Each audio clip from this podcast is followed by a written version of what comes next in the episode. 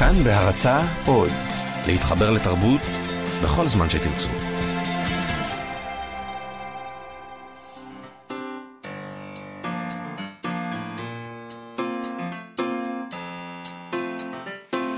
מה שכרוך עם יובל אביבי ומה יעשה לה. שלום, אתם מאזינים למה שכרוך, מגזין הספרות היומי של כאן תרבות, תוכנית אחרונה שלנו לשבוע זה, אנחנו כאן רק מאלף עד דלת, אה, בשעה 12, ברדיו, באינטרנט, באפליקציה, בעמוד הפודקאסטים, שאגב אתמול תהינו אה, אה, איך אומרים פודקאסט בעברית, אז אני פניתי לאקדמיה ללשון, עדיין הם עובדים על זה, עוד אין לזה מילה בעברית, אז פודקאסטים בינתיים. אה, אז זה מותר. זה בינתיים מותר לנו להגיד. איתנו באולפן שלומי יצחק ומיטל כהן, העורכת שלנו, ויובל אביבי, שלום לך. שלום, מאיה סלע. אתם יכולים לשלוח לנו מסרונים בטלפון 055-966. 3992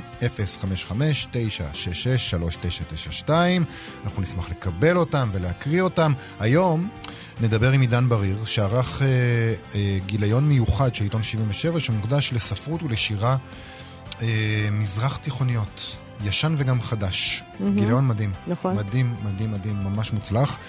אה, נדבר גם עם רונה שפייזמן, המבקרת הרומנטית שלנו, על אה, ג'וג'ו מויס. הגיע הזמן שהיא תקרא את ג'וג'ו מויס, נכון? נכון. ונקריא התחלה של ספר וננסה לעמוד על טיבה, ו- ו- ויהיו עוד, עוד דברים, ככל שהזמן יספיק.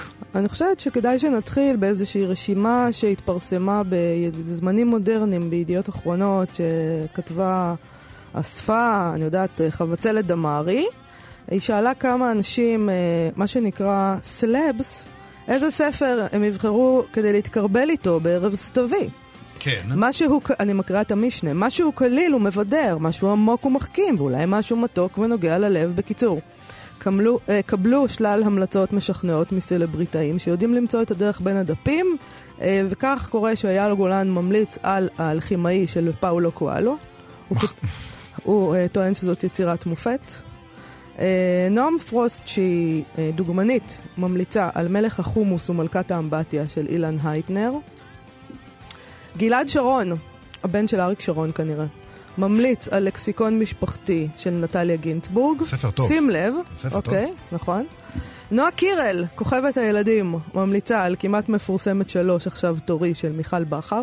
אני לא ידעתי שקיימים ספרים כאלה לפני שקראתי את הכתבה הזאת. אוקיי. נסרין קדרי ממליצה על סיפורה של שפחה של מרגרט אטווד. אכן זקוק לעוד קצת פבליסיטי הספר הזה עכשיו? אבל זה יפה שהיא קוראת את זה דווקא. למה? ככה, כי היא לא קוראת את... אה, את אילן אה, הייטנר? את אה, האלכימאי. אז אני חושבת שזה זה יפה. ספר טוב, כן. זה מוצא חן בעיניי. קובי עוז ממליץ על אמר... אמריקנה של צ'ימננדה נגוזי אדיצ'י. עכשיו, כשהגעתי לקובי עוז, שממליץ על אמר... אמריקנה, שזה ספר שגם אנחנו המלצנו עליו, נכון. חשבתי לעצמי שאם היה מקצוע כזה קוראת בספרים, אז הייתי רוצה לעבוד בו. כי אני, אני, אני, אני חושבת שאני יכולה לקרוא את הרשימה הזאת ולדעת, להגיד, לנתח לפיה מי אה, קרא באמת את הספר שהוא ממליץ עליו, מי לא קרא את הספר שהוא אה. ממליץ עליו, איפה פה הבולשיט, מה קורה כאן. אבי גבאי ממליץ על דלת, מוצב אחד בלבנון. אני רוצה להגיד לך משהו, אבי גבאי. כשביקשו ממך המלצה על שיר, המלצת על מוריסי. אתה נורא התעצבנת על זה, נכון? היה אז את העניין עם מוריסי, שהוא, נכון. אמ, שהוא אמר. עכשיו אתה לא יכול, כשבאים לבקש ממך עם איזה ספר להתקרבל, להמליץ על דלת מוצב אחד בלבנון. למה? כי מה, כי אם המלצת פעם אחת על מוריסי אז תישאר מגניב ותמליץ על, על ספר אינדי בריטי? לא אינדי בריטי, אבל זה, זה ספר שיוכיח הוא- את האינטלקטואליות שלך, זה לא הוא ייתכן. חזר לכור מחצבתו, הוא הבין שהוא פוליטיקאי ולא דחקה, והוא המליץ על מה שפוליטיקאים ממליצים עליו. איזה ספר ביטחוני. אני מרוצה שהוא לא אמר, אני ממליץ על התנ"ך, תמיד יש לי תנ"ך ליד המיטה. קודם כל, אני דבר- חייבת להגיד לך שהספר הזה של מתי פרידמן, דלת, כן. אה, זה לא ספר רגיל, ביטחוני, על... אה, שאבי גבאי סתם זורק עכשיו, אתה יודע, סטייל המלצות שמעון פרס כאלה. זה לא זה. חס וחלילה. זה ספר אה, כנראה מאוד אה, קשה ומעניין וביקורתי גם, וזה... בוא. אין ספק. גלית גוטמן אה, ממליצה על בשבי זינגר. גלית גוטמן, הדוגמנית. אה, יון תומרקין, לעומת זאת, שהוא אה, שחקן כנראה, אה, ממליץ על 1984 של ג'ורג' אורוול. ספר טוב. ספר טוב. ליאור סושארד, לעומת זאת, ממליץ על האיש שאהב את הטלפון שלו יותר מדי. יובל, מה יש לך? של יובל אברמוביץ'. הרשימה הזאת הורסת, אני מת על זה שהבאת אותה. ולירון טילטיל אורפלי, שהוא איזה משהו שקשור לריאליטי כלשהו, אה? ממליץ על האיש שלא רצה להיות קטן, של אילן הייטנר. פעמיים ברשימה, הסופר היחיד שמופיע פעמיים ברשימה הוא אילן אייטנר. נכון. אה, לסיכום, אביב משה, אביב משה הוא אה, שף, לדעתי, אם אני לא מתבלבלת פה, אה, המליץ על העץ הנדיר של של סילברסטיין. סיפור של ההענקה ללא תנאים של עץ שמאוד אהב את הילד. ואז הוא הכין לו אוכל במחירים מופרזים. אוקיי, אני, בגלל שאני לא רוצה שיתבעו אותי. אז אני לא עושה כאן ניתוח רשימות, לא, אבל... אני חושב שאנחנו אבל, ממש אה, יש לי צריכים המון מה לתת להגיד. לזה לדבר בעד עצמו. בדיוק. אז שזה ידבר בעד עצמו ונמשיך הלאה. אנחנו נתחיל, אה, נמשיך באיזשהו דיון שאנחנו מקיימים כבר זמן רב, בזמן כן. שיובל נרגע פה מהתקף כן. צחוק שלו. אה, נגענו בזה אתמול קצת בשיחה עם המשורר, אחד ממייסדי משיב הרוח, שמולי קליין. אה, בשאלה הזאת, האם אנחנו החילונים יכולים לקרוא ולהבין את השירה של שמולי קליין? אני שאלתי אותו את זה. כן, האם נכון. אני יכולה להבין את השירה שלך, שמולי קליין, לנוכח העובדה שאין לנו את המימד הרליגיוזי, למשל, שאסף ענברי תובע מאיתנו, כן. אה, וגם לא ההשכלתי, כלומר, לא למדנו בישיבה, נכון? אין לנו את המקורות האלה. אין לנו כן. את המקורות האלה. אה, שמולי קליין ענה לי בכנות שכ- שכן ולא, שאני יכולה להבין משהו, ברור, אבל אבל יש לא. איזה מין אה, שכבות שם שאני לא אבין. אין ספק. אה, ובעקבות הדבר הזה, דיברנו אתמול, אה, פנה אלינו המשורר שלומי חתוקה שלנו, שהוא גם מגיש ועורך פה בכאן. נכון. שהיו לו כמה דברים מאוד מעניינים לומר בעניין, והחלטנו להעלות אותו לשידור ולשאול אותו בעניין הזה. שלום, שלומי חתוקה. אהלן. שלום, שלום. אז, אז להג- להגיד בוקר טוב או צהריים טובים? שעון שלי או שלכם? אה, שלך. בוקר טוב לך, אוקיי, שלומי חתוקה. בוקר אור, בוקר אוקיי. אור. אה, בדיוק התרנגול קרה והגיע הזמן לקום. אה, למי שייכת היהדות? מה אה, קורה עם הדבר כל הזה? השאלה- קודם כל השאלה הפרקטית, אה, השאלה הפרקטית היא היא- היא כשלעצמה מאוד מאוד פשוט לענות עליה. לפעמים באמת ההתייחסות למקורות מסוימים, כמו נגיד הומאז'ים לטרגדיות יווניות, הם, אה, מי שלא מכיר אותם פשוט לא יכול להבין אותם. כן. ובמקרה שלנו, בגלל שמדובר במקורות יהודיים, אז לכאורה איזושהי בעיה. אני זוכר באמת שלמדתי ספרות באוניברסיטת תל אביב, והיה איזה שיר של... ש- שמישהו הכניס שם משהו על רבי טרפון, מהמם. וידעתי שרק אני ועוד איזה מישהו עם כיפה שם, בזמנו כבר לא הייתי דתי, כן? יודעים בכלל אה, על מה זה, כאילו, על מה... מי זה רבי טרפון, או מה, מה, מה בעצם... אה, לאן בעצם רומז השיר, והיה לי ברור גם, ואני גם שאלתי, אנשים אמרו לי, וואלה, לא יודע מה, מה מדבר שם. זאת אומרת, באיזשהו מקום כן, אפשר תמיד להכניס אה, אה, כל מיני התייחסויות מסוימות, שמי שלא מכיר את ה... ורבי טרפון ב- הוא בכלל כוכב בגמרא, הוא לא מוזכר בתורה. אה, רבי בתנ"ך. טרפון, אני מכירה מהאגדה של פסח. נכון? כן, יש, יש הרבה אגדות איתו, יש הרבה אגדות מאוד מאוד מעניינות איתו, הוא דמות דרך אגב מאוד מאוד מעניינת. אמ, וזאת אומרת, אפשר בקלות ב- לענות על השאלה הזאת, אבל אז הרבה פעמים יש איזה משמעויות. אוקיי, מה זה אומר? מה זה אומר? מה, למה באמת אה, אה, צריך אה, להכיר את המקורות האלה, או למה, למה לא כולם מכירים בעצם את המקורות האלה? והרבה פעמים השאלה שמכריעה בנקודה הזאת היא שאלה של דת. כי באמת כאילו נותנים לכל המקורות היהודיים התרבותיים העצומים האלה תו, תו, תקן של דת, כן. תו תקן של דת. ובכל שנותיי שלמדתי ב, בישיבה, אני חייב לומר, אה, אה, או בבתי ספר ממלכתיים דתיים, בדרך כלל ההתייחסות תמיד הייתה דתית, אה, אחר כך היא הייתה גם הלכתית. כלומר, אומרת, תמיד- אתה מתכוון להגיד שבעצם מה שהם לומדים זה איזה, איזה, איזה מצווה אנחנו יכולים לגזור מתוך הטקסט הזה. זה ה... איזה מצווה או איזה התנהגות מהמם. אנחנו יכולים uh, לגזור, או זה הרבה פעמים שאלות של מוסר, ובסדר גמור, התורה מתעסקת עם מוסר. כן. Um, אפשר באמת לגזור משם, ובדרך כלל התשובה, דרך אגב, גם הייתה מאוד ברורה, כאילו לטובת מי. Um, אף על פי שהסיפורים האלה היו הרבה הרבה יותר מתוחכמים והרבה הרבה יותר מורכבים מאיך שניסו להציג לנו אותם, אולי ניגע בזה אחר כך. בקיצור, גיליתי ש- שזאת ההתייחסות, ובאמת מדובר, קודם כל צריך לבוא להגיד, מדובר בטקסטים uh, עשירים כל כך מבחינה ספרותית. ואנושית, זאת אומרת, הם פשוט ז'אנרים שונים אחד מהשני. גם בתוך התנ"ך עצמו, יש ז'אנרים שונים מאוד אחד מהשני. זה צורות של העברית שאנחנו אה, לא, לא, לא מכירים אותה היום, אנשים לא כותבים אותה היום, וחלקה לא מיושנת. זאת אומרת, חלקה הרב אפילו לא מיושן. Mm-hmm. זאת אומרת, זה לא שאנחנו קוראים משהו אה, ואנחנו צריכים לפתוח אה, מילון בשביל להבין את זה, ממש לא. נכון, לפעמים ההטעיות הן שונות, אבל... בדרך כלל זה, זה, זאת ממש לא, ממש אתה, לא נחוץ לעשות את זה. אתה בעצם אומר שכולנו צריכים ללמוד את המקורות, אבל אחרת מאיך שעושים את זה. קודם כל אנחנו חייבים לעשות את זה, אני חושב שאנחנו עם עם ה... אה, אנחנו לא במקרה עם הספר, אבל אנחנו עם שגם מפספס, יש פער עצום בין ארון הספרים היהודי והעברי אה, לבין מה שתלמידים נחשפים אליו.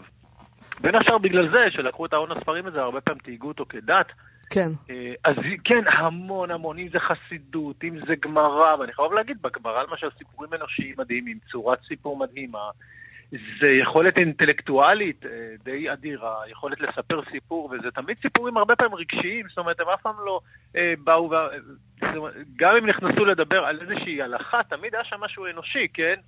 שני אנשים אוחזים בטלית, זה אומר כולה שלי וזה אומר כולה שלי. זאת אומרת, הם הולכים לפתור פה איזו שאלה הלכתית, אבל זה תמיד מתחיל מסיפור של שני אנשים רבים על משהו. כן. או על רבי טרפון שלקח משהו בידע שההלכה מתירה לו, ובעל השדה תפס אותו, וכשהוא רצה לזרוק אותו, רבי טרפון אמר, אוי, מה עשו לך רבי טרפון? ואז הבן אדם שמע שמדובר ברבי וזרק אותו, ורבי טרפון הצטער על זה שהוא השתמש באוהלה של תורה. יש שם המון המון סיפורים. אבל אתה לא חושב שזה מה שמשיב הרוח בעצם מנסים לעשות? הם לא בעצם מנסים להגיד, היי, תראו, כל הטקסטים האלה שלימדו אותנו שהם... שהם טקסטים שלימדו אותנו שהם מוסר וכולי, הם בעצם גם אה, אה, ספרות, הם בעצם גם אה, פרוזה, הם בעצם גם רגשיים. זה בדיוק, לא היית אומר שזה מה שהם מנסים לעשות? קודם כל אני מברך על כל מה שהם עושים, אה, זה, זה בהחלט אה, הישג מאוד מאוד גדול, ומדובר הרבה פעמים בחברים ובקולגות, ועצם העובדה שגם אה, זה לא רק מבחינת מה שהם עושים, זה גם מבחינת החברות שהם עושים, זה נהדר, זה בדיוק עונה על השאלה, אבל הבעיה היא יותר כאילו בצד שלא לוקח. Mm-hmm. זאת אומרת, זה לא שכל פעם דתיים צריכים להביא לנו את זה. זה חילונים צריכים לקחת את זה, וגם חילון, כשאני אומר חילונים, אני מתכוון לזה בצורה מאוד מאוד מסוימת, כי חילונים הם לא אנשים שלא מתחבטים בשאלות של אמונה. נכון. ובין החילונים יש גם מסורתיים, ואני חייב לבוא ולהגיד לכם, חלק מהאנשים שכתבו את הטקסטים שאנחנו קוראים היום, שנתפסים כמאוד דתיים והלכתיים, כתבו אותם גם אנשים שמתחבטים בשאלות האלה. זאת אומרת, הם לא היו פחות ממה שאנחנו היום, ממה אנשים שלא נתפסים כדתיים. שוב, אני דרך אגב לא רואה את עצמי אדם חילוני, או אה, אפשר להגיד באיזשהו מובן, אני חושב שאני כן רואה את עצמי כאדם דתי. רק שאני אה, תופס את עצמי כמשהו שהוא לא, לא מתאים לדרך שהדת או הדת מציירת היום. אבל החילונים יותר צריכים לקחת את הטקסטים האלה. יש שם עושר מאוד מאוד גדול. ותחשבו למשל שבטרגדיות היווניות היו מפסיקים ללמוד בבתי ספר כי מאמינים שם באלים. שלנו נתפס בעינינו גם באותה צורה שמישהו מדבר אל, אל האלים, האלים אומרים לו תעשה ככה, בא נפטון מלמעלה. זה עדיין כאילו טרגדיות ספרותיות אה, ויצירות אנושיות מאוד מאוד גדולות. אבל אתה, אגב, אתה יודע. אבל הוויתור הזה בעצם, כלומר, מעבר ל... אוקיי, אנחנו, אני בן אדם מבוגר, אני יכולה ללכת לארון הספרים לבד, אבל אם אנחנו מדברים על בתי ספר, אפילו בבתי ספר היום, כששר החינוך הוא נפתלי בנט, הוויתור על uh, לימודים, על שעות של לימודי נגיד תנ"ך, ספרות, כל הדבר הזה, זה המערכת, זאת אומרת, זה, זה המדינה בעצם מוותרת על זה. אתה יודע, הם מחליטים, אה, הם מחליטים על הבערות הזאת, אנחנו לא נלמד את זה. כלומר, אני זוכרת שנגיד בזמני למדו תושבע, תושבע. אז אין את זה היום. אני כבר לא למדתי תושבע. אתה כבר לא למדת את זה. זה פשוט, הוויתור הוא כאילו מערכתי כזה. אני חושב שהוויתור נובע מתוך אה, חוסר... אה, מתוך חוסר מודעות. כן. זאת אומרת, מתוך מחשבה, כן, זה לא שייך לנו, זה של דתיים או משהו כזה. ודרך אגב, גם, גם בעולם החילוני כשלומדים את זה, זאת אומרת, בתי ספר חילונים, הרבה פעמים יש איזושהי פונקציה מאוד מסוימת. זאת אומרת, אם, אם, אם כשאני, כשהייתי נער דתי, הפונקציה הייתה ללמוד הלכה ואת המצוות, אז אצל חילונים הרבה פעמים, כש, כשיצא לי קצת, ואני לא יכול להכליל, אבל הרבה פעמים שמתי לב שההצדקה היא כאילו מין יצירה, שיהיה לנו נרטיב היסטורי לציונות. נכון. נכון. אנחנו צריכים פה, הנה, זה היסטוריה שלנו, זה כאילו נכון. היסטוריה בכלל. זה הקושאן, נכון, נכון. לגמרי. אז, אז ללא ספק מתוך חוסר מודעות, ו- וזה לא משהו גם שאפשר לשנות אותו ביום, כי אם פתאום נפיל את זה בלי באמת uh, ללמוד את זה כמו שצריך, את, ה- את הגוון שיש לכל uh, ספר או לחסידות או לגמרא ולתנ"ך להציע, זה באמת עלול להיראות uh, מין... Uh, ניסיון לתפוס את הכל במכה, ואי אפשר לעשות את זה, זה באמת יהיה תהליך גדול, אבל הוא באמת צריך להתחיל ממודעות, חד, חד משמעית. אני גם, את יודעת, חושש שאם תגידי את זה לאנשים חילונים, הם יחששו מהדתה. כן. פתאום. פתאום יחששו מהדתה. זה, זה ארון הספרים היהודי שלנו, התרבותי. אני חושב שאין שום עם בהיסטוריה עם קורפוס כזה. אה, טוב, שלומי חתוקה. תודה רבה לך על הדברים האלה. המון תודה לך. בשמחה. להתראות. בשמחה, תודה לכם. ביי. ביי. להתראות. נשמע שיר? כן. אה, חשבתי על זה, אגב, שתשים לב שהסלבס הזה, אה, אלה שהקראנו, ל- עם איזה ספר הם רוצים להתקרבל, כן, אף אחד לא אמר שהם להתקר... שהוא רוצה להתקרבל עם התנ"ך. נכון. Hmm, מעניין. הוא- טוב, זה ספר- זה ספר לא קל. אה, כבד גם להחזיק כן, אותו אפשר. בהתקרבלות. אפשר שהוא- לקחת אה, רק את בראשית, אה. עדיין לא קל. אוקיי. אה, השבוע ראתה אור חוברת מספר 397 של כתב העת לספרות עיתון 77. 397 חברות, זה מדהים, כל הכבוד להם. אה, של עיתון 77. אה, הפעם זה אה, גיליון מיוחד שכותרתו ספרות ושירה מהמזרח התיכון, ישן וגם חדש, והעורך, האורח, הוא המתרגם והעורך עידן בריר, שהשנה גם ראה קובץ בעריכתו, אין בבעלותי דבר מלבד החלומות, אנתולוגיה של אה, שירה אזידית, שדיברנו איתו כאן על, ה, על הקובץ הנהדר הזה. נכון. עידן בריר הוא עמית מחקר בפורום לחשיבה אזורית העוסק בעיראק, כורדיסטן וסוגיות מיעוטים במזרח התיכון, ומשלים בימים אלה את uh, כתיבת עבודת הדוקטורט שלו בהיסטוריה של המזרח התיכון באוניברסיטת תל אביב. שלום עידן בריר. שלום לכם. אהלן. תשמע, אה, חוברת מאוד מאוד אה, מרשימה, תרגומים של ספרות ערבית ומזרח תיכונית, של מגוון מאוד רחב של משוררים וסופרים, סורים, עיראקים, מצרים, פלסטינים, טוניסאים, לבנונים, איראנים, טורקים, סודנים, שלל מתרגמים, חלקם אה, ישראל, אה, יהודים, חלקם לא, אה, ערבית, פרסית, טורקית, צרפתית, עבודה ממש מרשימה. אה, להביא אלינו את כל הקולות האלה שאנחנו בכלל לא מכירים למרבה הצער והבושה גם. אז איך, איך, איך, איך, איך ניגשת למ- למלאכת העריכה הזאת? איך בחרת? אז דבר ראשון, אה, תודה על המילים הטובות, ואני גם מצטרף לברכות וההשתוממות מזה שזה אה, כמעט 400 אה, חוברות של עיתון 77. זה באמת... אה, אני רק אורח שם, אז אני יכול אה, להחמיא לבעלי הבית. אוקיי. אמ, אז איך, איך עושים את זה? האמת היא שזה היה תהליך ארוך. אה, על אש קטנה במשך הרבה, הרבה מאוד זמן של חיפוש והפצרות לכל מיני חברים וחברות, מתרגמים ומתרגמות שייתנו את הדברים שכרגע רק אה, ממלאים להם את המגירות, או כל מיני דברים שהם נורא רצו לתרגם ועדיין לא עשו, עדיין לא הגיעו אליהם, והם רק צריכים את התירוץ הנכון. אמ, ואז התחילו פשוט לזרום חומרים. היה, היה לי, אני חושב שהיה בסך הכל די הרבה מזל בעניין הזה. כלומר, אנשים באמת נהנו לבקשות ולהפצרות ולאתגר, ושלחו לא מעט חומרים. אה, היה, האמת היא שהכל היה באמת מאוד מאוד יפה. אה, לא מצאתי את עצמי מסנן החוצה דברים. היו לא מעט דברים שהיו צריכים עבודה וליטוש ושיוף, אבל אה, בסך הכל הדברים היו מאוד מאוד יפים. אה, עד כמה קשה. בעצם אה, אה, לשכנע כותבים אה, אה, שכותבים בערבית להיות אה, מתורגמים לעברית? להיות בפרויקט ישראלי? אני חושב שזה, התשובה היא מורכבת. אה, אה, מתחשק לי לומר לך שזה קשה, אבל אני חושב שהתשובה הנכונה והאמיתית היא שזה קל מאי פעם. מה אתה אומר? זה לא קל באמת, זה לא כמו לגשת לסופר אה, אירופי נאמר, או אמריקאי, ולהגיד לו, תשמע, רוצים לתרגם אותך אה, לעברית, ובוא נסגור את הפרטים הקטנים. זה לא בדיוק ככה, אבל אני חושב שהיום יותר מאי פעם יש נכונות, יש סקרנות, יש אה, עניין. אה, לא תמיד זה נעשה באפיקים או בנתיבים אה, שהיינו רוצים שזה יהיה גלויים וכיפיים ופתוחים, אבל אני חושב שיש היום כן היענות לזה. זה הרבה פעמים, כאמור, נעשה במין דרכים עקיפות כאלה של אה, אני נותן לך הסכם בעל פה ואתה תעשה עם זה מה שאתה רוצה, ואני כאילו לא יודע, ושומר על זכות הכחשה ועל מידה בריאה של אה, אה, ריחוק, אבל זה נעשה. הנה, כל החוברת הזאת היא בעצם אה, אנשים שבצורה כזאת או בצורה אחרת. הם היו על המנעד, בוא נאמר, של בין רצו מאוד לבין אה, לא היה אכפת להם שהחומרים שלהם ייכללו, ייכללו בחוברת כזאת. עידן, אתה כותב בפתח דבר שלך שבשנים האחרונות הספרות הערבית והשירה הערבית אה, חוות פריחה מחודשת. איך אתה מסביר את הפריחה הזאת? ועל מה הם כותבים בעצם?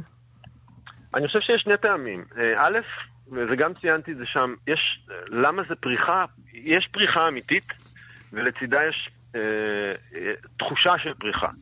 הסיבה לכך היא שאני חושב שבעבר הייתה תחושה שהיה מין תור זהב של כותבים גדולים, שנות ה-60, או 50, 60, 70, כמה כותבים גדולים, הן סופרים והן משוררים, בעיקר אגב גברים, אה, שכתבו את ה, בעצם את, ה, את עמוד השדרה של הספרות הערבית של המאה ה-20. זה התחיל עוד קצת לפני, אבל המסה הגדולה, ובעיקר הגדולים, היו באמצע המאה. כן. והייתה תחושה אחרי זה של אה, אחרי הדור הזה כבר לא יקום דור כזה. ואני חושב שהיום, לאט לאט, בתהליך קצת אחר, אה, התחושה הזאת מתפוגגת, ופה זה גם העניין התחושתי כמובן. התחושה הזאת הולכת ו- ונמוגה, כי באמת עולה דור חדש צעיר ומאוד מאוד מעניין של סופרים. וגם באמת יש אה, פריחה שהיא התפוצצות, מה זה פריחה? הרבה פעמים זה עולה ברמה, רמת הכתיבה אה, יורדת, כי יש המון, יש המון כותבים, יש המון כותבות, יש המון עניין לפרסם, יש המון במות לפרסום פתאום, אינטרנט, אה, רשתות חברתיות וכולי, אבל יש באמת פיצוץ גדול ויש גם שינוי גדול של הפנים. אם, אם בעבר אמרתי זה היו בעיקר גברים, אה, אה, נקרא לזה, מבוססים, אה, פריבילגים היינו קוראים לזה היום. כן. היום זה כבר לא. היום אנחנו רואים שבאמת כל שדרות העם, כל שדרות העמים משתתפים בכתיבה. אנחנו רואים המון נשים, ניסינו גם בגיליון הזה לתת ייצוג אה, מכובד של קולות נשיים אה, ש, שקיימים, ובאמת בכמויות שלא נראו עד היום, אה, לדעתי. אה, בעולם הערבי ובכלל במדינות האזור. ואני חושב שיש גיוון מאוד מאוד גדול וזה מאוד מעניין וגם מאוד מאתגר. כלומר, לברור את המוץ מהתבן היום הפך להיות הרבה הרבה יותר קשה בגלל כל הסיבות האלה שמניתי עכשיו. אה, מאשר לפני 40 ו-50 שנה. והחלק השני של השאלה של מאיה זה, זה אלו נוס... על מה הם כותבים? על... השתנו גם הנושאים? אה, לפני כמה ימים אמר לי איזה סופר עיראקי, אה, שאלתי אותו על איזה סיפור, איזה סיפור קצר שקראתי, ואמרתי לו שזה רעיון, הרעיון שמאחורי הסיפור הוא מאוד מעניין. הוא אומר, עזוב, זה, לא, אין שם שום רעיון, זה החיים שלי. אה, אז, אז, אז אז זה, זה בעצם הדבר, כלומר, אני חושב שרואים את זה הלוך ושוב גם בחוברת, שניסתה לייצג איזשהו, איזשהו מגוון של קולות מסוים. כן. אה, אנשים כותבים את החיים שלהם, אני חושב שיש חטיבה בסוף, לקראת סוף החוברת, אה, שנקראת האביב הפואטי, שתרגם אה, אלון פרגמן. כן. יש שם סיפורים של נשים צעירות, זה, זה כתיבה נשית, אה, של העולם הערבי אחרי אירועי האביב הערבי. ואני חושב שרואים שזה ממש דברים שהם יוצאים מתוך היומיום שלהם. היו דברים הרבה יותר יומיומיים, היו דברים שנראו בקובץ המקורי ש, שהוא שלח אליי, היו דברים שממש נראו כמו יומן אישי. וזה אגב סיפורים שזכו בפרסים וקיבלו תהודה מאוד גדולה בעולם הערבי, אבל ממש נראו כמו סיפורי יומיום. אבל הסיפורים, אם הם לא סיפורי יומיום, הם יוצאים מתוך היומיום, מתוך המצוקות, מתוך העוני והבורות והבערות שלפעמים נחבות בתוך החברות האלה, והמצוקות אה, של שליטים דכאניים, נקרא לזה אירועי האביב הערבי, יצאו נגד זה, אבל גם אה, נגד טבואים חברתיים, נגד מגבלות שהחברה מטילה על עצמה, אה, ענייני מגדר. הדברים האלה הם, הם מעסיקים, העסיקו גם את סופרי אה, ומשוררי הדור הקודם, אבל בהחלט בהחלט אה, את ההתפוצצות הנוכחית של משוררי הדור הנוכחי וסופרי הדור הנוכחי. בתוך הגיליון הזה יש חלק גדול, פרויקט מאוד מרשים של השוואת תרגומים של השירים של ניזר קבאני, שזה משורר סורי חשוב. נכון. אז קודם כל, אולי תספר לנו עליו קצת, כי אנחנו בעצם לא באמת מכירים אותו, ולמה זה חשוב גם להתייחס אליו, ולמה זה חשוב לעשות השוואת תרגומים, שזה בכלל דבר מדהים ש, שהחלטתם לעשות. לעשות כמה תרגומים של זה. אז בעצם יש לנו שתי פואמות, אה, אחת אה, די גדולה והשנייה גדולה מאוד. אה, הראשונה נקראת לחם חשיש וירח, והשנייה נקראת שירת בלקיס או בלקיס, על שם אשתו המנוחה של קבאני. למה קבאני? אני חושב שאם תשאל כל ערבי, כל ערבייה, למה קבאני, אז התשובה תהיה, ברור שקבאני. רק מי אם לא קבאני? כמו לשאול כאן אה, אה, למה אלתרמן או למה ביאליק. למה אלתרמן או ביאליק, בדיוק. כן. זה מהגדולים שבמשוררים אה, ש, שקמו לעולם הערבי, סורי, שהיה חבר בסגל הדיפלומטי של סוריה, הסתובב בעולם, ניסה לעיראקית, לאותה בלקיס. הוא היה נחשב מצד אחד משורר מאוד פוליטי, אתה יכולת לשמוע, למרות שהוא צמח בתוך, כאמור, בתוך הסגל הדיפלומטי של סוריה, והיה איש מדינה, הוא גם היה אולי גדול המבקרים בשירה של אה, חאפז אל-אסד, של האבא של אה, בשאר.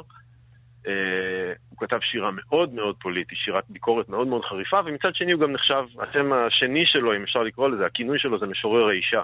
מי שכתב שירי אהבה, מי שכתב שירים לנשים. אז הוא, הוא דמות מאוד מעניינת, הוא משורר מאוד מאוד חשוב. וגילינו תוך כדי, אני עברתי על חומרים ישנים וגיליתי כמה תרגומים של שתי הפואמות האלה. אה, במקרה של לחם חשיש ולבנה, השיר, הפואמה הקצרה יותר, אה, היו תרגומים מלאים, במקרה של בלקיס חלק מהם היו מלאים וחלק מהם היו חלקיים, או במקרה אחד אפילו גם תרגום פרפרזה. ואני חושב שזו פעם ראשונה בעצם, אני, אני, בעצם ההשכלה שלי כמתרגם וכמי שמתעסק עם שירה, הייתה השוואת התרגומים של אשר רייך. כן. אה, אני, אני מאוד אהבתי לראות את זה בעיתון, ואחרי זה את הנשיקה מבעד למטפחת, ונורא הפריע לי כמי שמתרגם מערבית, שמעולם לא נעשה דבר כזה בערבית. מעולם. אני לא זוכר בשום מקום שהשוו תרגומים אה, של שירה ערבית, זה מול זה. עכשיו, פה יש לנו קצת מגבלה, כי באמת השירים הם קצת ארוכים, אז אי אפשר כמו אשר רייך להציג את זה בטורים, זה ליד זה. אה, וזה קצת אה, מעיק מבחינה גרפית. אבל אני חושב שזה מאוד מאוד מעניין לראות את, ה, את ההבדלים האלה. זה כלומר, מאוד מאוד מעניין. אנחנו צריכים לסיים, אבל מאוד רצינו שתקריא לנו, אה, תקריא לנו שיר אחד מה, מהגיליון הנהדר הזה. מה, מה תקריא לנו?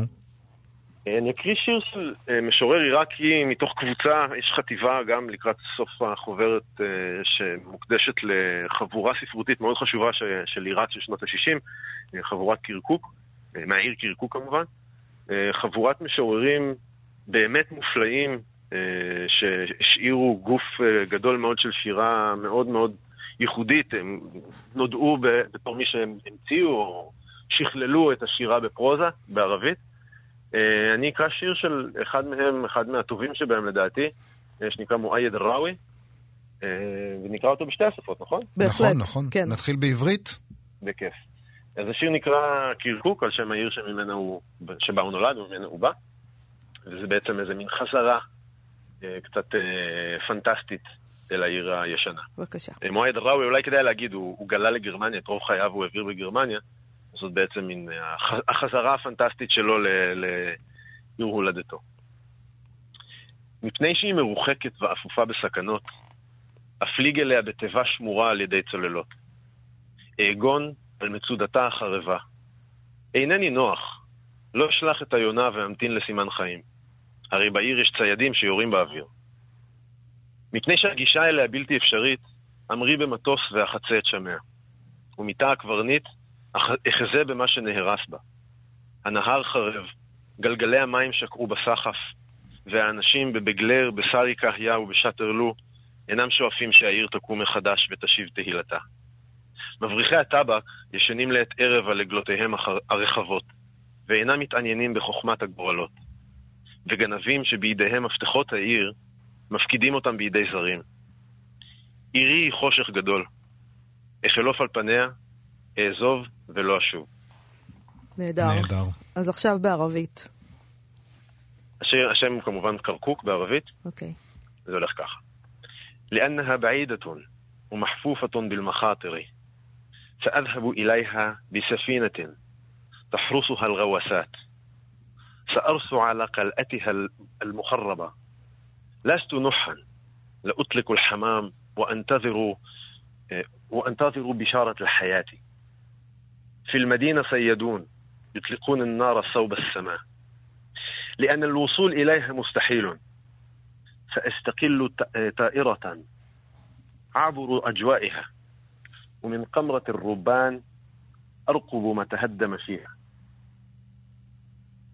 نهرها جف وسواقيها تمرت لا تتوخي الناس في بجلير وساري كحيا وشاطرلو أن تنهض المدينة من جديد. وتعيد أسماءها. مهربو التبغ ينمون ضخا فوق عرباتهم العريضة. لا يسألون عن حكمة القدر لصوص بيدهم مفاتيح المدينة يعيرونها للغرباء مدينة عتمة سأمر عليها وسأغادرها إلى الأبد נפלא. עידן בריר, תודה רבה לך. נגיד שוב, עיתון 77, גיליון מיוחד, ספרות ושירה מהמזרח התיכון, ישן וגם חדש. תודה. תודה רבה. תודה רבה לכם. תודה, תודה. ואנחנו אומרים שלום למבקרת הרומנטית שלנו, רונה שפייזמן, אה, שקוראת אה, ספרות רומנטית כדי שאנחנו לא נצטרך. שלום רונה. שלום יובל, וחבל, כי אתה מפסיד, אני- שתדע. אני יודע, זה חור, חור גדול בהשכלה שלי. עוד אחד מהחורים הגדולים עוד בהשכלה אחד, שלי. בדיוק, בדיוק. אז מה קראת? היום בשבילנו? אז קראתי את ספינת הקלות של ז'וז'ו מוי. נפלא. כן, היא נפלאה. אנחנו- זה הספר אני- הראשון שלה שאת קוראת? לא, השני. השני. מה היה הראשון? ללכת בדרכך כמובן. אני גם קראתי אותו כדי להבין כן. על מה מדובר. ואני חושבת הבנת? שהבנתי, אני חושבת שהבנתי, כן, כן, כן. בהחלט. אה, תשמעי, קשה לי להסביר את ההצלחה הממש ממש מטורפת הזאת, כן? אבל אה, אולי תנסי את להסביר מה מה הולך שם. בספינת הקלות או בג'וז'ו כן, מוי? בס- בספינת הקלות ובג'ודו מויס. כאילו, למה- טוב. דווקא היא? יש בו איזה משהו שהוא לכאורה, בעיניי הוא נורא פשוט. כאילו, הדמויות זה תמיד אה, נשים כאלה שאנחנו אוהבות, הן מאוד אה, מתחבבות בקלות, אם לומר. אבל תמיד יש עוד סיפור ועוד רובד, זה לא, זה לא הדבר העמוק בעולם, כן? אבל זה מעביר אה, זמן וסוחף, ואתה אחר כך אה, מסיים ואתה גם חושב על זה עוד קצת, שזה ערך, אה, ערך מוסף ש... הוא לא דבר של מה בכך. אז מה מה יש ב- בספינת הקלות בעצם? אז בספינת הקלות יש אה, תוספת נהדרת, שזה גם אה, מבוסס על אירועים היסטוריים. ורומן היסטורי זה תמיד כיף, כי אז אתה, אני גם מרגישה שאני מחכימה, ויש לי מה לתרום בשיחות סלון, או למיניהן, אני יכולה לזרוק איזה פרס טריוויה שאיש לא יודע, או יודע. ואפשר להגיד, קראתי את זה אצל ג'וג'ו מויס, או שזה מוריד מהערך של הפרט? אה, זה? מוריד, מוריד. כן? לא, צריך להשאיר קצת מסתורים, אתה לא חייב לחשוף הכל. אבל אה, בכל מקרה, אה, בספינת הקולות אנחנו מתחילים את הסיפור בהודו, כי יש מה שנקרא סיפור מסגרת, שיש אה, מין אקספוזיציה כזאת, שסבתא ונכדה בהודו מלווים על ידי אה, צעיר הודי, והם אה, נוסעים ועוצרים מסיפור אה, לא מעניין אה, בבית קברות לספינות. ויש שם התרחשות מסוימת באמת מיותרת לחלוטין, והסבתא פתאום רואה אה, ספינה שכתוב עליה ויקטוריה, ספינה ישנה, והיא מתמוטטת. קאט, הסבתא אנחנו- מתמוטטת. הסבתא מתמוטטת. אוקיי. ואז יש קאט ואנחנו עוברים ל-1946, ובעצם הסיפור מתחיל. מלחמת העולם השנייה הסתיימה, ומסתבר שיש אה, המון כלות של חיילים בריטים ואמריקאים במקומות רחוקים, נגיד באוסטרליה, שבעצם היו שם חיילים בריטים, התחתנו, סיפור אהבה של מלחמה, העולם הולך להיכחד, אז בואו נתחתן. ו... ועכשיו הן תקועות, זאת אומרת, הן צריכות לחזור לבעלים שלהם, וצריך להעביר אותם. ובעצם הצי הבריטי מארגן אה, רכבת אה, ימית. Hmm. אה, וזה סיפור אמיתי. זה מבוסס על סיפור אמיתי, זה לא רק זה, גם סבתא של ז'וז'ו ככה הגיעה לאנגליה. אה. היא הייתה על סירה כזאת, על סירה בשם ויקטוריה, שזו הייתה נושאת מטוסים שהוסבה ל... אה, לשינוע קלות. 600 קלות היא הסיעה, ו... וככה היא הגיעה אה, בעקבות אהוב ליבה. והיא כותבת את הסיפור הזה, היא כותבת שזה לא סיפור אמיתי, אבל זה מבוסס על המקרה הזה, כי האירוע קרה, היא משלבת מכתבים, היא עשתה שם תחקיר רציני, מכתבים מה... כל מיני ארכיונים והכל, וזה באמת, זה נורא מעניין, כי זה באמת נשים, אתה יודע, שעזבו הכל והלכו לעבר הלא נודע. אבל אין אה, שם- אין שם גברים? כאילו, איפה המימד הרומנטי אם אין יש גברים? אלף, יש אה, אלף גברים, אה, אבל המידע, הממד הרומנטי הוא בזה שבעצם אנחנו פוגשים כמובן ארבע בנות, כי כבר דיברנו על זה שתמיד פוגשים ארבע בדברים של בנות, אה, אז אה, אנחנו בעצם מלווים ארבע כלות בנסיעה שלהם, כל אחת יש לה סיפור אחר. יש את אה, ג'ין, שהיא בת 16, וכאילו היא משפחה ארוסה, היא התחתנה ונוסעת אה, אה, לפגוש את אהוב ליבה. יש את אה, אייביס, שהיא כאילו מין אה, ווספית אוסטרלית, שכל מה שמעניין אותה זה נעליים, בגדים ומסיבות. יש את מרגרט, שהיא הכפרייה טובת הלב עם תסביך האם והיא גם בהיריון. ויש את פרנסס, שהיא אחות חמורה וקפדנית. אה, והיא לא מספרת שום דבר על עצמה, והיא לא מחייכת, ובעצם אנחנו חווים את כל המסע הזה דרכן, אה, ודרך הקברניט של הספינה, שהוא דמות אה, מיותרת, חבל שאנחנו חווים את הסיפור דרכו. ויש גם אה, נחת אחד, אה, נחת מלשון מרים, שהוא כאילו שומר עליהם, כי בעצם יש 600 בנות ואלף גברים, אז צריך להגן עליהם שהגברים, שלא יקרו דברים אסורים. ונחת או- אחד עושה את זה. לא, לא, זה הנחת ששומר על החדר שלהם. אה, אוקיי. וגם אליו אנחנו מתוודעים, והוא דמות חביבה, ויש בסופה משהו מפתיע בסוף. ואנחנו לא מגלים כי אנחנו לא רוצים להרוס? לא, אנחנו לא רוצים להרוס, כי זה באמת ספר, אה, אה, זה כאילו נשמע הכי קלישה, אבל אה, הוא באמת מעניין, ו- ואי אפשר שלא להתלהב ולהיסחף ולעזוב את כל מה שצריך לעשות ולקרוא את, ה- את הסיפור, כי זה מסע מרתק, כשחושב- כשחושבים על זה זה לא פשוט, זאת אומרת להחליט שאתה אורז הכל ונוסע, וגם הן לוקחות סיכון, כי בעצם מסתבר, וזה היה גם גילוי מרגש בשבילי, או יותר נכון צרת רבים אה, אה, נחמה, סוג של, שמסתבר שאת ההודעת טקסט שמצטער אבל זה לא, שאנחנו מכירות מפה, המציאו כבר אז, כי הפחד הכי גדול של הנשים בספינה היה לקבל את המברק, את המברק, אה, אינך רצויה אל תבואי. אוי ואבוי. כן, ואז כשהן מקבלות את זה, אז הצי הבריטי בעצם עוצר איפה בתחנה הקרובה, נגיד וזורק אותה הבחורה. ממש, נגיד ציילון או הודו, וואו. ומוריד אותה והיא חוזרת לאוסטרליה. אוי ואבוי.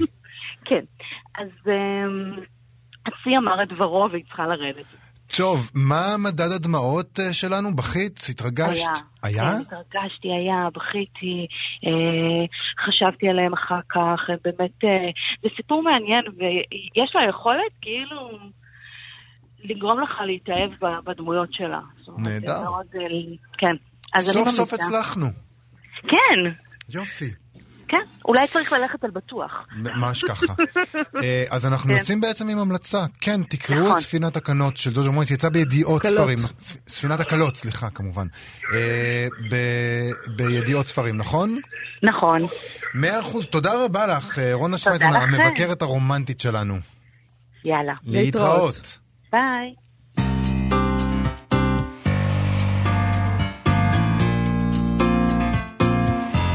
התחלות של ספרים. כן, התחלות של ספרים. קודם כל, שאלנו, איך, איך, מה נעשה בפינה הזאת? נכון. איך, איך נבחין בין הספרים שאנחנו כן צריכים לעשות עליהם את ההתחלה של ספרים, אה, אה, ואלה שלא, והחלטנו ללכת על מקור, וכותבים לנו פה מסר, מקור ועוד איך מקור, הספרות הישראלית פורה ומשגשגת, אנחנו אוהבים לקרוא בעברית, אין כמוכם שנותנים במה ליוצרים הישראלים באשר הם.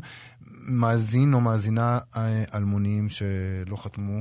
אז טוב, זה מעכשיו, נקרא ספרות מקור בפינה הזאתי, ונתחיל עם אה, רצועות של אה, טלי עוקבי. שיצא בהוצאה חדשה בלה לונה. נספר שטלי עוקבי נולדה בעפולה ב-1970, היא למדה בשוויץ, אנתרופוסופיה וציור, והיא גרה עם המשפחה שלה בצפון uh, גרמניה, והיא כבר הוציאה ספר שירים שנקרא אור התוף של הלילה, בהוצאת אינדי בוק ב-2013, ואני מספר את קורותיה כי זה קשור להתחלת הנובלה שלה שאני אקריא עכשיו. Um, ככה זה מתחיל. מלבד כל הדברים שארזנו ולקחנו איתנו לנסיעה או לחופשה, אספנו גם את עצמנו. את הזיכרונות, את הכיסופים, את המועקות והפנטזיות שלנו. אנו מגיעים אל מקומות זרים שאינם נושאים בחובם שום זיכרון עבורנו. אנחנו מקווים להתרוקנות מיידית והתמלאות בתחביר חדש. הצעדים שאנו נותנים במקום מבטיחים לנו את כל זה. אין צורך לספור, רק להתמלא בכל היופי החדש. אנו מגיעים אל מקומות זרים כמו שאנחנו מגיעים לכל מקום.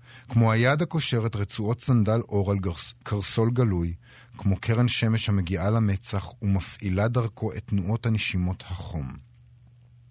הזיכרון גם הוא מגיע אלינו. בכוחות עצמו מגיע, מטפס ועולה מתוך מחזור הדם. אנחנו רוצים לגלות מקומות חדשים, אוויר אחר, מרחבים פתוחים, נקיים מעצמנו, מזיכרונות של אנשים אחרים שנקשרו בנפשנו כרצועת סנדל עור על בשר חשוף. אנו משתוקקים לדלל את אותם זיכרונות בתוך ניקיון השמיים, על מדרכה בעיר זרה, להשליך את כל דגי הזהב לאוקיינוס. לאט, בלי שניתן יהיה להצביע על נקודת התחלה, מתוך המרחבים הזרים, תזדחל נפשנו בחזרה אלינו כמו רצועות אור על צווארו של עבד.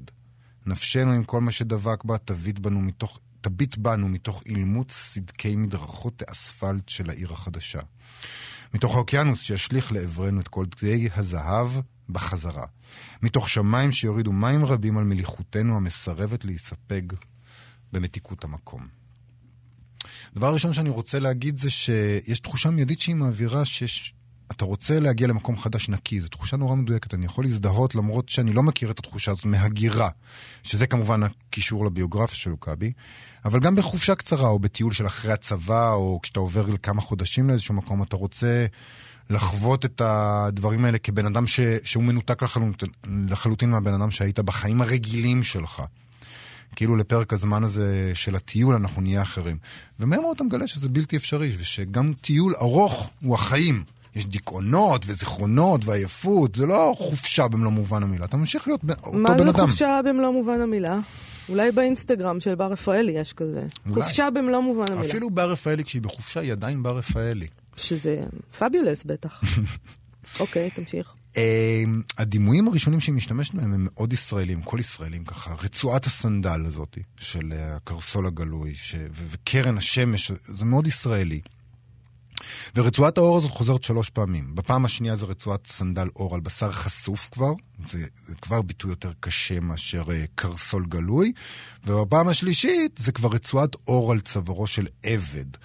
ואלה כמובן אותם הזיכרונות ומי שאנחנו באמת, וזה בעצם הישראליות שלנו. המליחות הישראלית הזאת שהיא האדון שלנו, שאי אפשר לחמוק מהשוט שלה. Mm-hmm. והדימוי השני שתפס אותי הוא קצת יותר משונה, הוא זר, זה השלכת דגי זהב לאוקיינוס. חשבתי על הדימוי הזה ואמרתי, זה הזכיר לי מיד את התשליך. זה מתחבר למה שהיא אומרת, נועד להיפטר מכל המשקעים הרעים של העבר ולהתחיל התחלה נקייה. אבל למה דגי זהב? אז חשבתי על האמונה הזאת שלדגי זהב יש uh, זיכרון uh, קצר טווח בלבד, הם זוכרים כמה שניות, uh, וזהו, נדמה להם שהשניות האחרונות זה היה, זה היה כל החיים שלהם. והם גם uh, אלה שמעניקים משאלות. אם תחזיר אותם, אם תשליך אותם לאוקיינוס, אז תקבל משאלה. אז בעצם יש כינוס של משאלה להיות חסר uh, uh, דיכאון, אבל היא הופכת עלינו את הדימוי הזה עם שורה שהיא כמעט סוריאליסטית, שהאוקיינוס זורק עלינו את גיא הזהב בחזרה. וזה בעצם שני דברים, שהחטאים שלנו רודפים אחרינו ושאין לנו אפשרות לקבל את המשאלה שלנו. העולם דוחה את העסקה הזאת. הדימוי הזה של, של, של, של דגים נופלים מהשמיים זה דימוי נורא חזק. גשם של דגים זה תופעה טבעית, קראתי עליה בוויקיפדיה, אם כי היא מפוקפקת מבחינה מדעית, והיא תמיד מעבירה תחושה אפוקליפטית מאוד לא מוסברת של, של ממדים תנכיים כאלה. בקיצור, אני לא יוצא אופטימי מהפתיחה הזאת, אבל כן מאוד מסוקרן. זהו, זאת הפתיחה הזאת. אוקיי, אה, נסיים עם כמה המלצות? כן, בטח. טוב, נתחיל באירועים. אה, קודם נחזור רק על שם הספר, טלי אה, עוקבי. כן. טלי עוקבי רצועות. רצועות אה, בהוצאת בללונה, אוקיי. אה, אוקיי, אז יש לנו כמה המלצות. קודם כל, היום מתקיים אירוע מעניין בתמול שלשום בירושלים, בשעה שבע, תחת השם כשאת אומרת לא, לא בל"ו.